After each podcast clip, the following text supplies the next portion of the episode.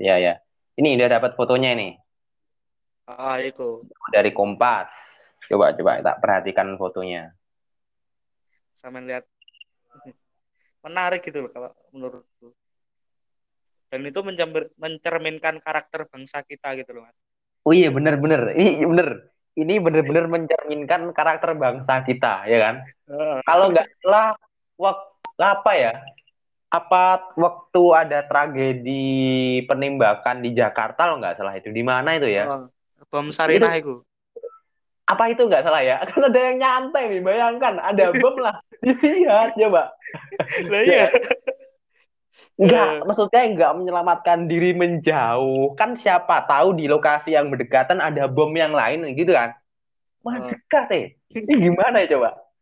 Indonesia Ya. kan. Jadi Heeh. Harusnya Indonesia itu buat membuat apa ya? Membuat ideologi baru bernama santuisme. Itu mencerminkan santainya orang Indonesia. santai Eh, karakter bangsa kita kan nganu tuh mas mau ada gempa mau ada tem- tembak menembak ada bom kalau saya butuh uang ya saya kerja gitu loh Iya, bener, bener, bener, bener. Coba ini. Ini coba ini seperti main petak umpet loh di gambarnya ya. Di gambar dari Kompas ini. iya iya Coba kita lihat polisi mungkin dan mahasiswa lari-lari. Ini si pedagang mencoba memanfaatkan kesempatan dalam kesempitan dengan cara berjualan dan santainya, dengan santainya seperti itu. dan itu Ya, lah ya, ya. saman bisa namat nih mas yo Iku Ya. dagangnya rokok mas ngerokok santai Ini ya? dengan rokok Eh, yes, santuy semua ini. Santai banget ya.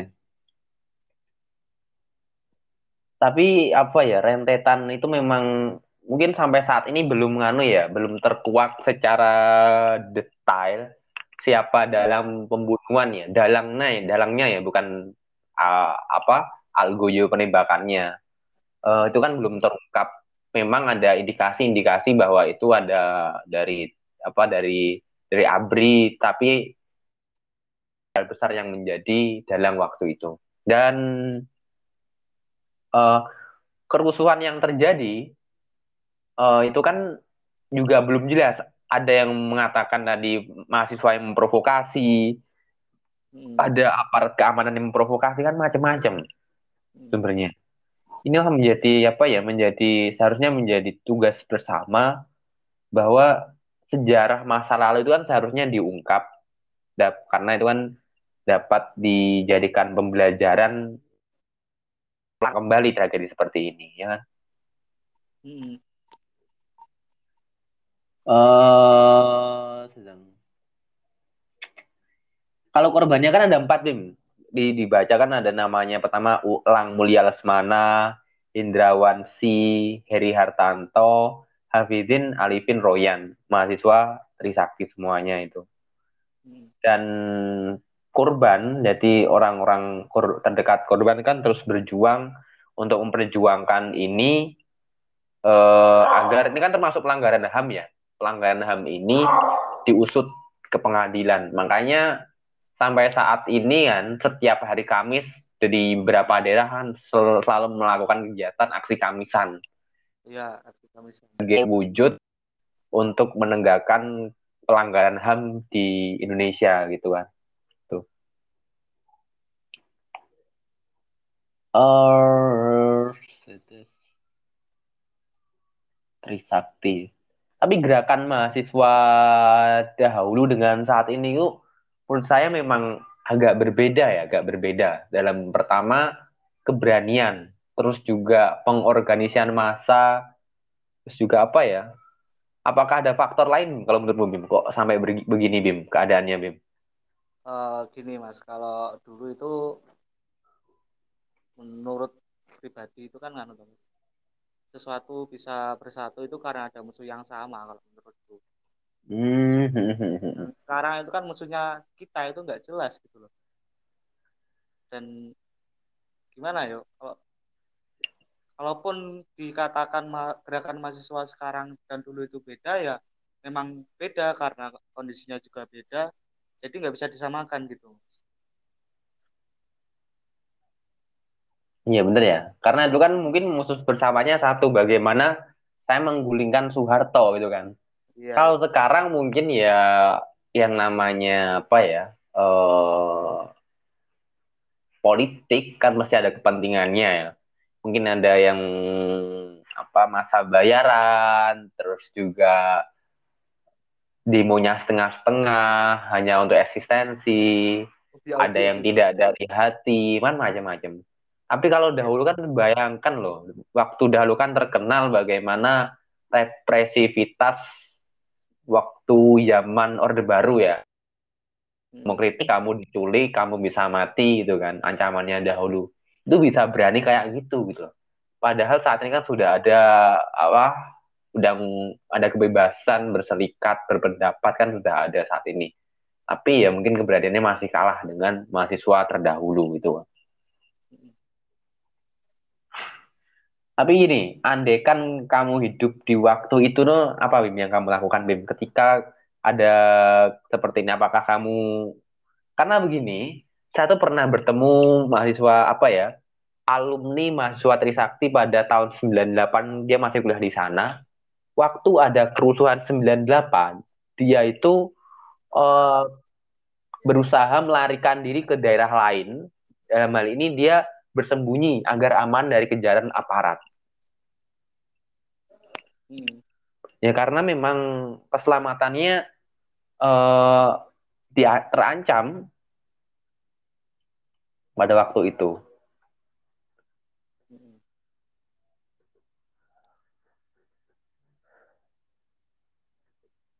Eh, anu Bim, tahu Budiman Sujatmiko nggak? Budiman Sujatmiko. Oh, Bu- Eko Budiman itu tuh. Bukan, Budiman Sujatmiko, Budiman. Kocok-mocoan, Mas.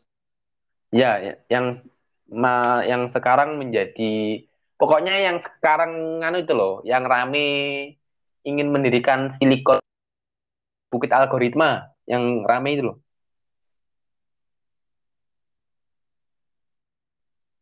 Bu- Eh, kok kayaknya belum tahu, Mas aku. Musuh belum tahu Budiman Sujatmiko. Jadi Budiman Sujatmiko itu kan dia salah satu mahasiswa yang menjadi uh, pelopor awal gerakan tahun 98 kan. Nah, Hmm. Budiman itu kan mulai membuat gerakan ketika mendirikan Partai PRD, Hmm. Partai Rakyat Demokratik. Para PRD itu golongan atau umurnya kisaran 20 tahun PRD itu. Ya, dia bergeraknya underground di bawah tanah, dia diam-diam. Bahkan saya tuh ketika membaca itu sampai apa ya? Membayangkan betapa sulitnya dia bersembunyi, melarikan diri, membuat base camp, rapat. Dia tuh sampai sembunyi-sembunyi bahkan seperti seorang maling membuat kode-kode rahasia untuk menyamarkan diri. Saking segitunya waktu itu. Nah, akhirnya kan Budiman ditangkap waktu itu. Ditangkap, hanya yang bergerak kader-kadernya yang lain, kader-kader dari PRD yang lain bergerak, mungkin melakukan sebuah gerakan ini demonstrasi, ya kan? Bayangkan apa ya? Oh, waktu itu ada krisis moneter, terus Soeharto menjabat sebagai presiden lagi, terus juga pokoknya waktu itu ya memang tahun 97 itu sudah parah kondisinya. Akhirnya gelombang masa di mana-mana itu. Eh,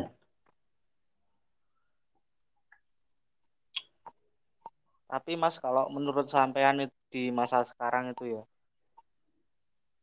apakah masih cocok kalau misalkan ada pergerakan mahasiswa gitu, yang demo-demo gitulah.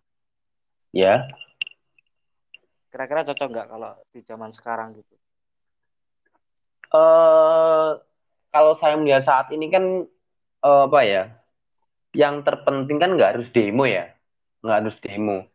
Yang terpenting kan mahasiswa itu mempunyai arah gerakan untuk merubah sesuatu yang tidak sesuai, tidak sebagaimana mestinya. Misalnya ada kebijakan pemerintah yang menyeleweng, mungkin ada ide-ide dan gagasan mereka dari mahasiswa yang itu bisa digerakkan menjadi sebuah perubahan ke arah yang lebih baik gitu kan. Dan itu kan tidak harus melalui aksi demonstrasi, ya kan? Bisa mungkin cara yang lebih halus, mungkin dengan diskusi, dengan membuat kebijakan, atau mungkin dengan audiensi, gitu kan? Hmm. Kalau saya melihat saat ini, aksi demonstrasi itu kan salah satu bentuk mengekspresikannya ke khalayak ramai kan. Oh, dengan aksi demonstrasi itu dapat menyedot perhatian dari masyarakat sekitar untuk melihat. Pasti kan ketika gak ada demo, masyarakat kan pasti bertanya-tanya, ada apa Tawi? Ada apa Tawi kan gitu. Kalau saya melihat demo itu kan sebenarnya ke situ arahnya. Tapi kan kalau kita melakukan aksi audiensi silaturahmi kan masyarakat luas kan mungkin yang mengetahui hanya beberapa. Tidak seperti pada saat kita aksi demonstrasi. Gitu kan. Hmm. Itu. Kalau menurut saya demo itu ya sah-sah saja. Dan apa ya? Itu bukan menjadi keharusan sih, bukan bukan menjadi keharusan pada saat mahasiswa ingin melakukan sebuah gerakan perubahan. Hmm. Mungkin ketika itu menyinggung soal kebijakan pemerintah ya bisa lewat audiensi, hearing, ataupun mungkin dengan ya diskusi lah, diskusi seperti itu. Itu kan, itu kan salah satu caranya. Kalau memang nanti yang lebih ekstrim, ya mungkin aksi demonstrasi, itu kan. Tapi ya kita yang jelas kan apa ya, yang terpenting itu tujuannya. Tujuannya untuk gerakan perubahan. Entah nanti caranya lewat demo ataupun demonstrasi itu kan, kalau saya itu kan uh, punya pandangannya masing-masing. Dan saya melihat demonstrasi itu nggak salah kok. Kalau saya melihat nggak salah. Karena juga kita dijamin oleh undang-undang kan, dijamin oleh undang-undang kebebasan berekspresi, kebebasan berpendapat kan juga namanya demo kan berarti diperbolehkan, kan? bukan dilarang gitu. Kalau saya seperti itu sih. Gitu ya. Bim, coba uh, kalau diri pribadi, kalau disuruh milih itu ini bukan disuruh milih sih, perspektifmu terhadap demo seperti apa? Setuju atau enggak? Terus kalau saya secara pribadi sama ada aksi demonstrasi ikut atau enggak kalau dirimu itu? Uh, kalau ditanya ikut atau enggak itu kemungkinan besar itu enggak mas. Karena ya karena saya kurang setuju gitu loh.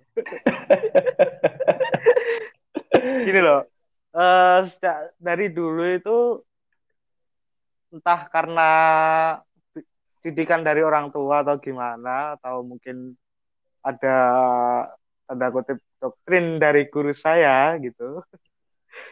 Itu membuat saya menjadi orang yang lebih suka melakukan negosiasi dibanding melakukan pergerakan-pergerakan semacam itu mas.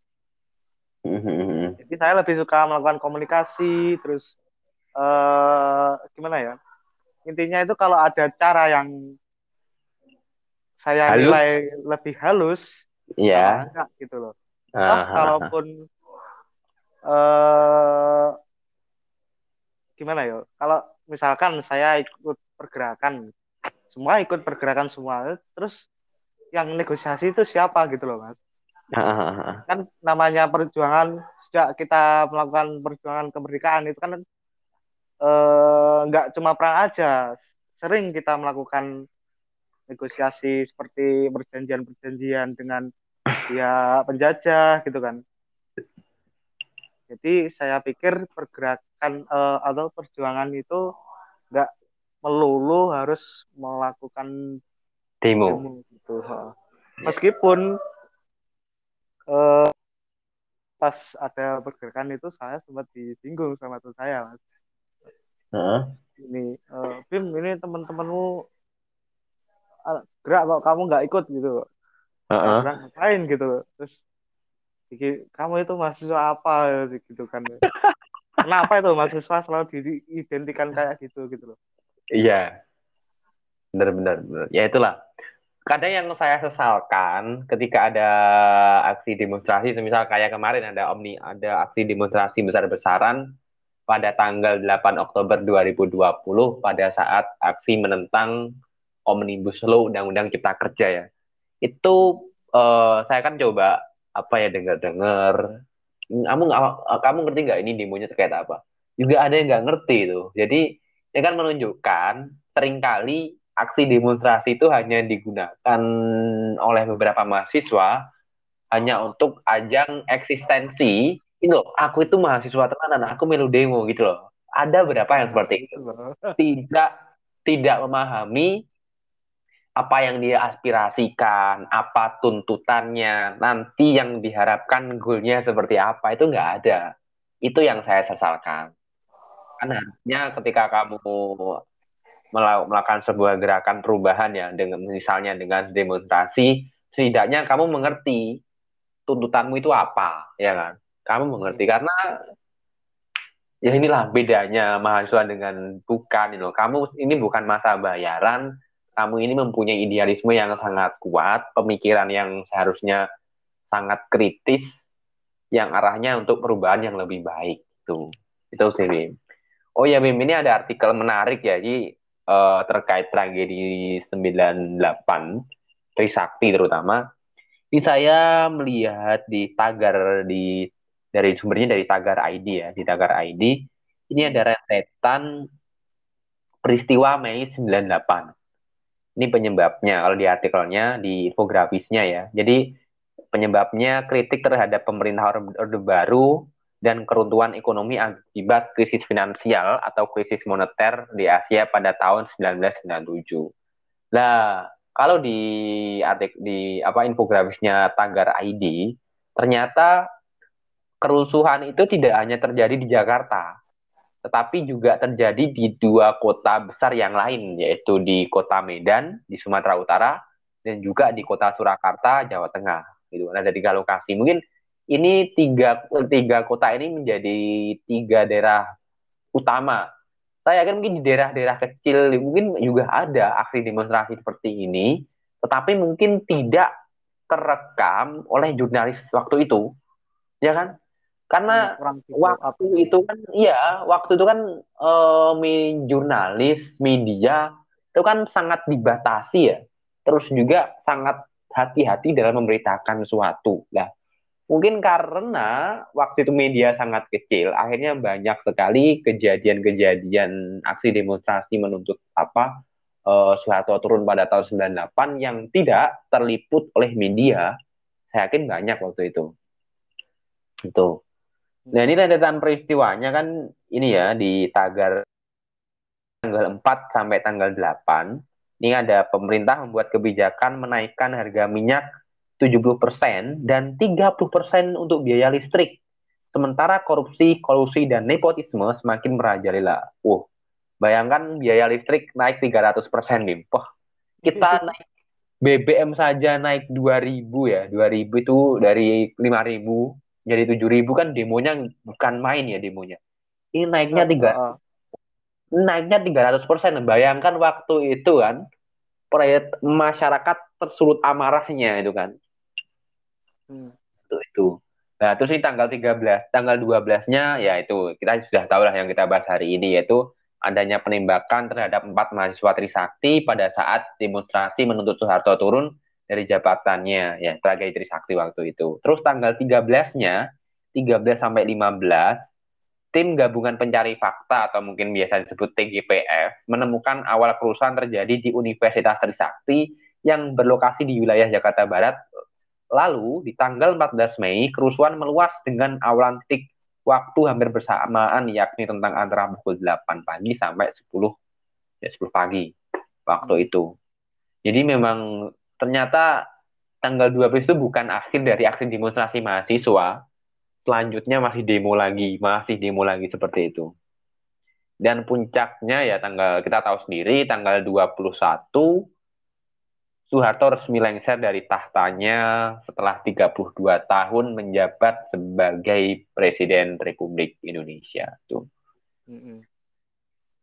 Andaikan saya membayangkan ya, saya membayangkan menjadi salah satu dari orang-orang yang ikut dalam demonstrasi waktu itu.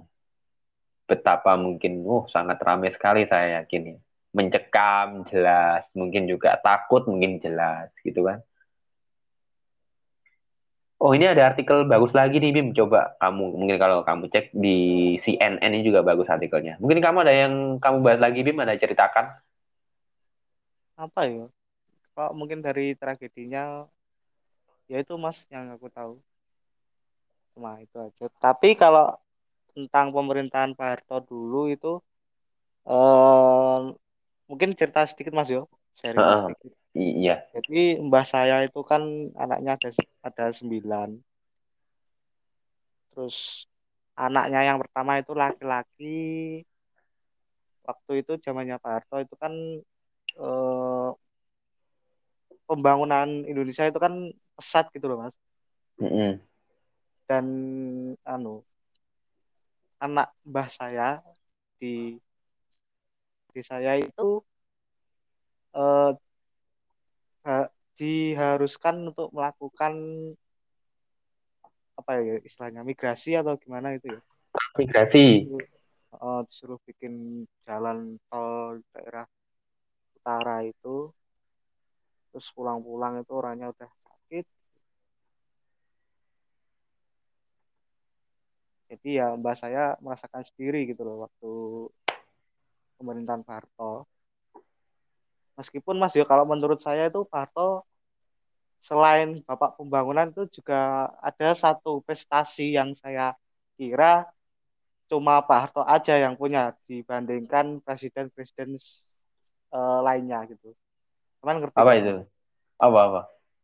Eh, Pak Harto itu adalah satu-satunya presiden yang bisa menjaga ketenangan Indonesia selama 32 tahun. Iya, bener. Kalau nggak tenang ya ker gitu. Ya,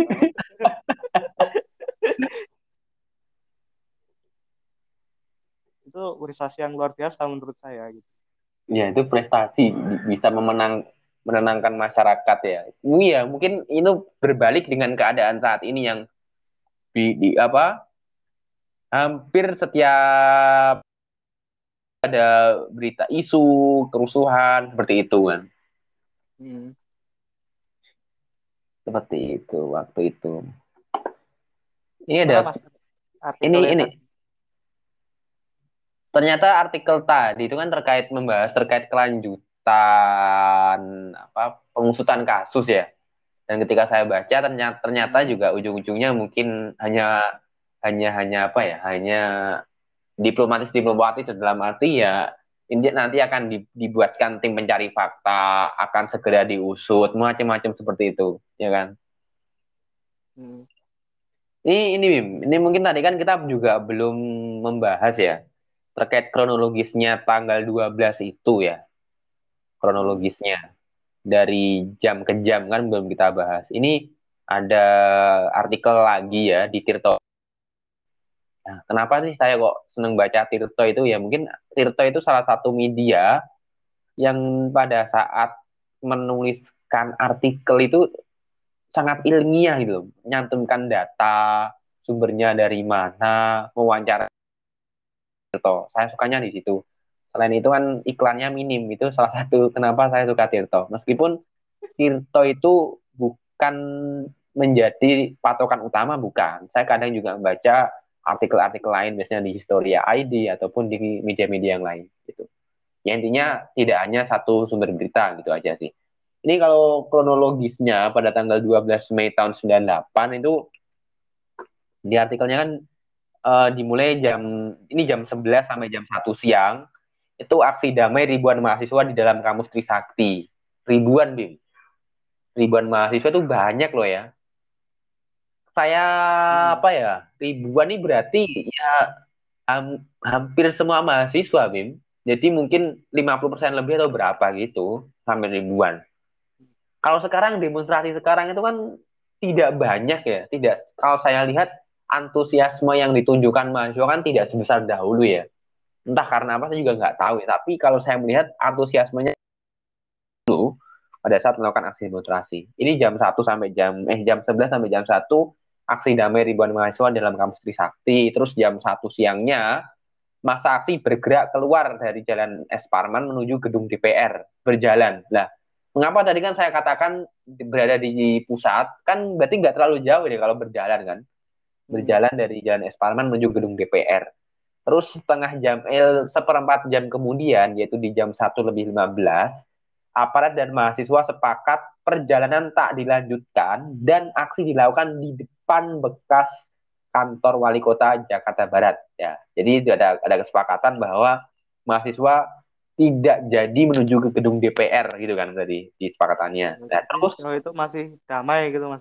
Ya kan berarti masih damai. Nah, terus di jam setengah dua sampai jam lima sore itu aksi damai berlangsung di depan bekas kantor wali kota Jakarta Barat. Nah, berarti sesuai dengan kesepakatan di jam satu lebih 15 tadi. Aksi damai. Nah, terus ini di jam lima sore aparat mengusulkan mahasiswa agar kembali ke dalam kampus.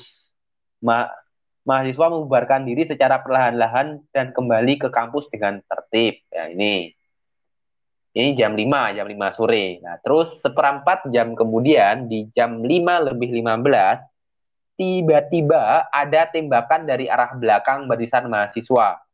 Mahasiswa lari menyelamatkan diri ke dalam gedung-gedung di kampus. Aparat terus menembaki dari luar dan melempar puluhan gas air mata ke dalam kampus. Nah ini, ini artikelnya bilang begitu. Hmm. Jadi kadang lebih ini yang menjadi pertanyaan ini memang kesengajaan. Kalaupun kesengajaan ini benar dari aparat aparat yang dalam hal ini sesuai dengan instruksi dari pimpinannya atau memang aparat kepul aparat keamanan yang memang dia bertindak secara liar gitu loh. Dan gak mungkin latah gitu Mas Yo. Iya, dan bisa jadi seperti itu kan. Nah, terus ini di jam 5 lebih 15 sampai jam 11 malam, situasi di kampus tegang. Korban luka berat dilarikan ke rumah sakit sumber waras. Ada kabar enam mahasiswa diadakan jumpa pers oleh pimpinan kampus, anggota Komnas HAM datang ke lokasi itu kan. Wow. Bayangkan sam sore sampai malam hari tengah malam itu situasinya tegang, Wim. Tegang ya karena ada aparat. Dan saat itu ada empat mahasiswa tewas ternyata. Ya itulah.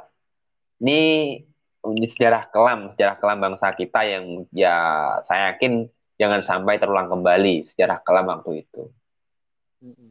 Kalau kata tadi kan ya hanya Soeharto saja yang bisa membuat negara ini tidak ada tidak ada tidak ada apa tadi kata tadi? Uh, bisa tenang selama 32 tahun. tenang di bawah ketakutan, di bawah apa kekhawatiran. Iya, lebih tepatnya gitu mungkin. Iya, saya mendengar, saya kan kalau saya pribadi kan juga belum lahir ya, hanya bisa membaca artikel.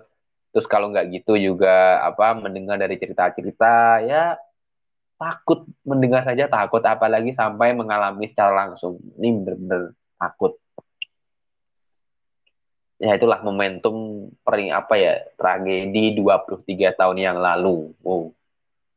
Ya, mungkin pada saat ini uh, bersamaan ya bu, apa bukan bersamaan sih berde, berdekatan dengan hari raya. Mungkin exposure-nya jarang yang terekspos oleh media. Mungkin media lebih banyak membedakan terkait peringatan hari raya terus mudik lebaran. Nah, padahal 23 tahun yang lalu ada sejarah kelam dari bangsa Indonesia yaitu terjadinya tragedi, tragedi Trisakti yang menewaskan empat mahasiswa Universitas Trisakti gitu. Uh, mungkin anak anu Bim, mungkin sudah cukup. Ada anu nggak Bim yang mau sampaikan nggak? Ini malah aku dari moderator ini kan Bim. Gak apa-apa. Santai kan. Oke okay, ya. Saya yakin nih loh, saya yakin sangat jarang sekali yang membahas terkait tragedi Trisakti atau bahkan mahasiswa yang mengetahui adanya sejarah kelam perjuangan mahasiswa ini. Mungkin jarang sekali yang mengetahui, Wim. Hmm. Makanya ya ini kita salah satu mahasiswa yang seharusnya bisa menyadarkan ya, bisa membagikan informasi ini kepada kawan-kawan mahasiswa lain. Ini ini loh ada sejarah dahulu yang kita perlu mengetahui gitu. Gitu Bim. Dan pastinya kan nggak mungkin kalau menurutku pribadi kan nggak mungkin itu teman cuma Trisakti aja yang mengalami itu. Ya bener bener bener.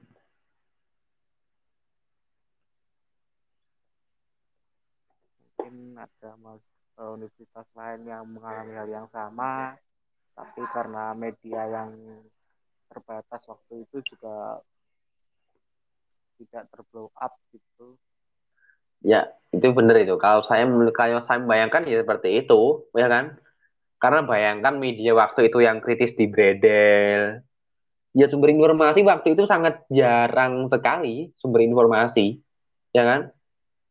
Kita kan ya mungkin kita baru tahu bahwa di Trisakti itu ada penembakan bisa jadi yang masyarakat Jawa Timur baru tahu seminggu kemudian atau bahkan tiga hari kemudian itu kan kan berbeda sekali dengan saat ini. Kejadian yang lima menit yang lalu kita bisa mengetahui bedanya itu dulu dengan sekarang. Ditambah apalagi ya itu adanya pembatasan media. Media kan waktu itu sangat sangat jarang sekali kan dan kita sangat kesulitan untuk hmm, apa untuk mencari kebenaran apa ya bukan sulit sih kita waktu itu hanya diberikan satu akses informasi ya mungkin dari corongnya pemerintah kan informasi dari pemerintah dari pemerintah sangat jarang informasi yang berasal dari bawah kan berbeda dengan situasi saat ini gitu. Tapi kalau dilihat eh, saat ini pun juga ada negatifnya mas, karena medianya itu banyak, kemudian akses eh, penyebaran informasinya itu mudah kan eh, penyebaran informasi yang mungkin kurang benar itu jadi mudah juga gitu loh. yang kemudian menimbulkan hoax di antara masyarakat.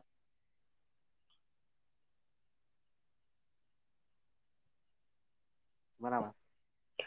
Kalau saya bayangkan ya dulu itu sumber sumurnya itu ada satu dulu Bim.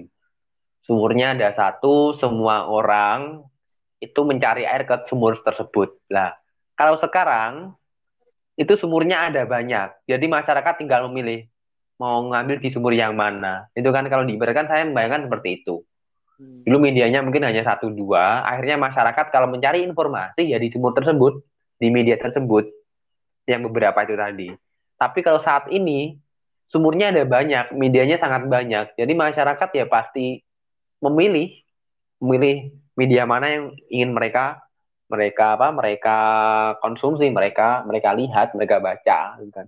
Akhirnya di sinilah pentingnya masyarakat untuk memahami betapa pentingnya memahami sumber media betapa pentingnya mungkin tadi saya saya gambaran saya bahwa jangan hanya membaca dari satu literatur ataupun satu sumber berita. Perlunya kita juga mengcross check dengan pemberitaan yang dilakukan oleh media yang lain. Sehingga kita punya perbandingan kita punya referensi.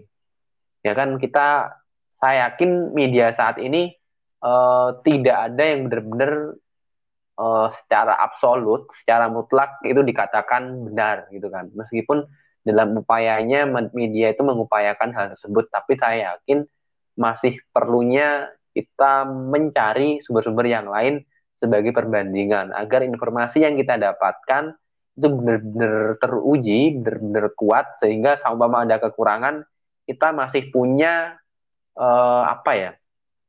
Masih punya sumber-sumber yang lain untuk menutupi kekurangan media tersebut gitu. Itu Bim.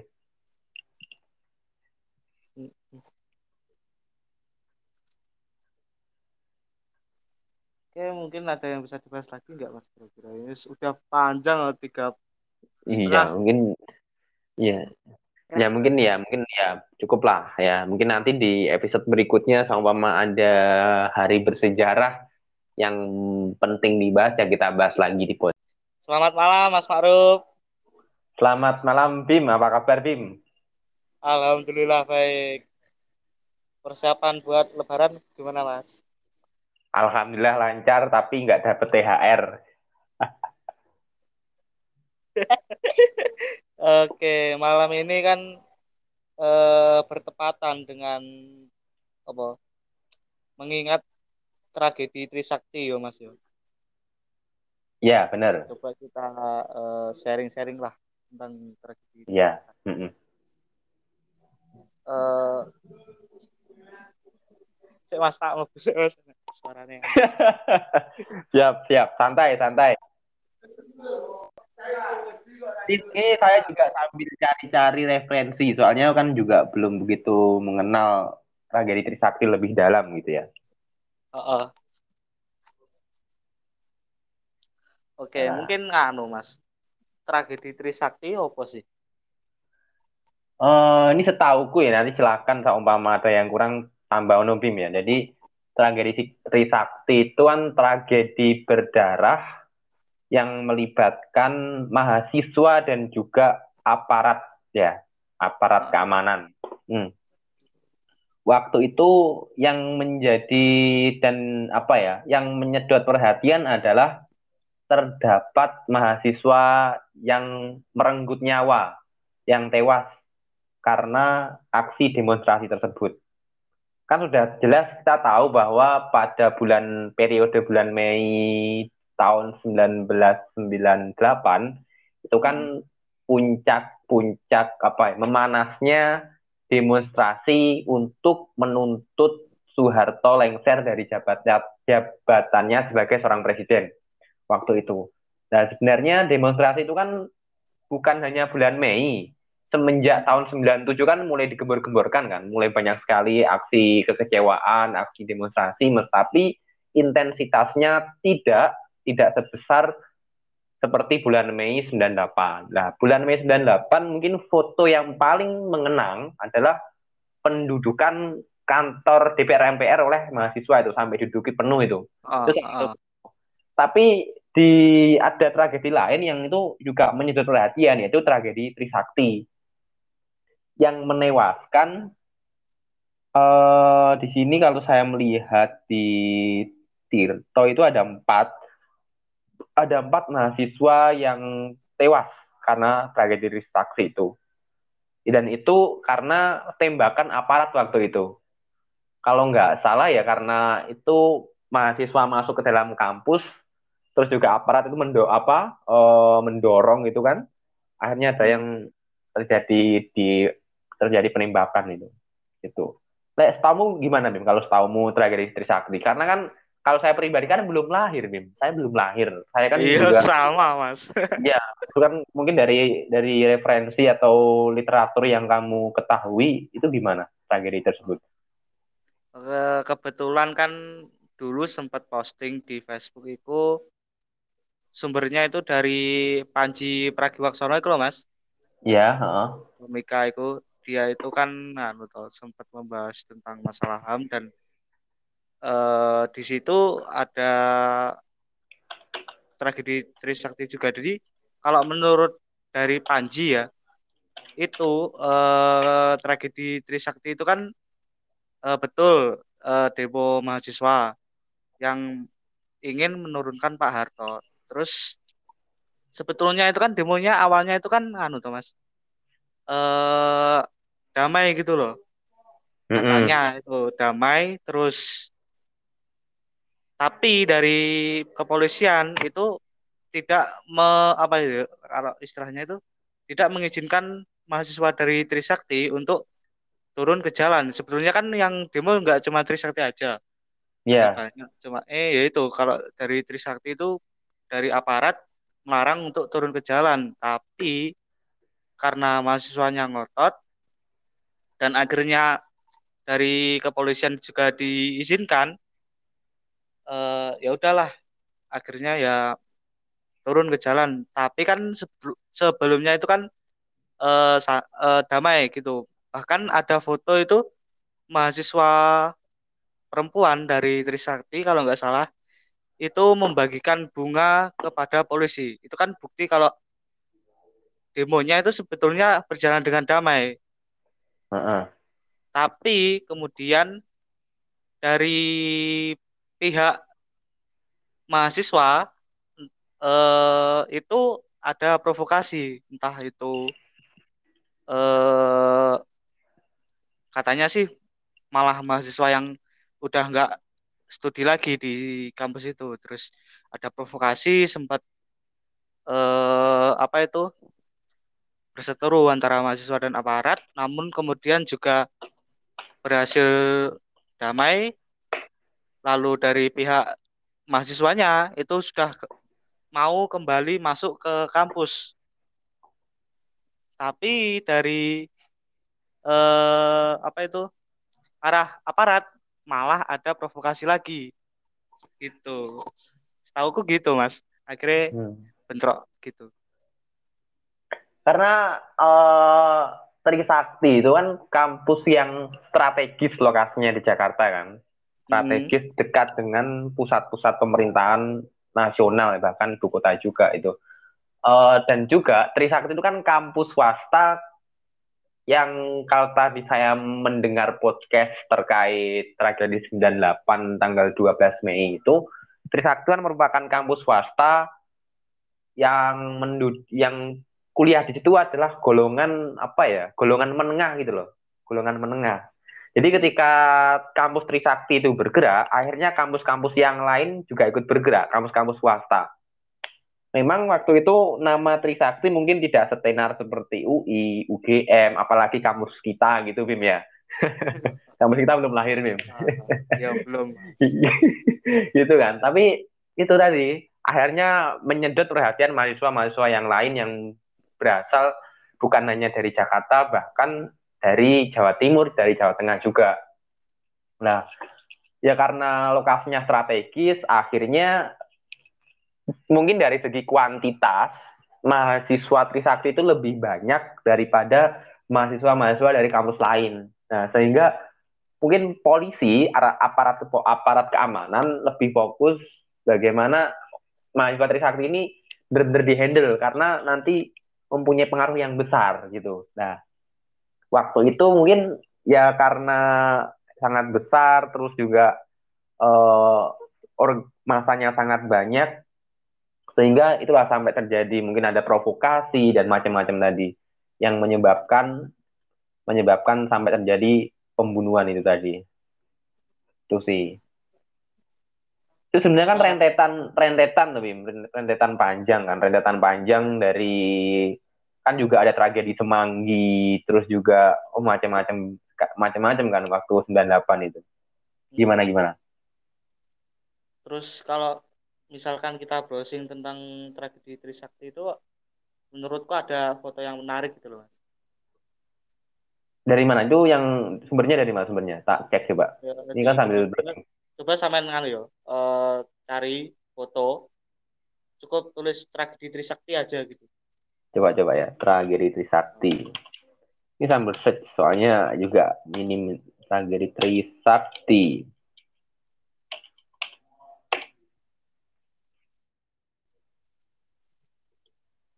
Bentar, gambar gitu ya. Foto yang mana, Bim?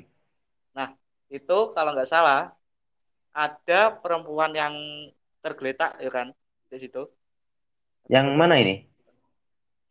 Uh, foto perempuan tergeletak, terus uh, ada polisi yang kejar-kejaran tapi di antara polisi dan ma mahasiswi yang tergeletak itu ada bakul nganu mas bakul minuman. Di tengah-tengah itu loh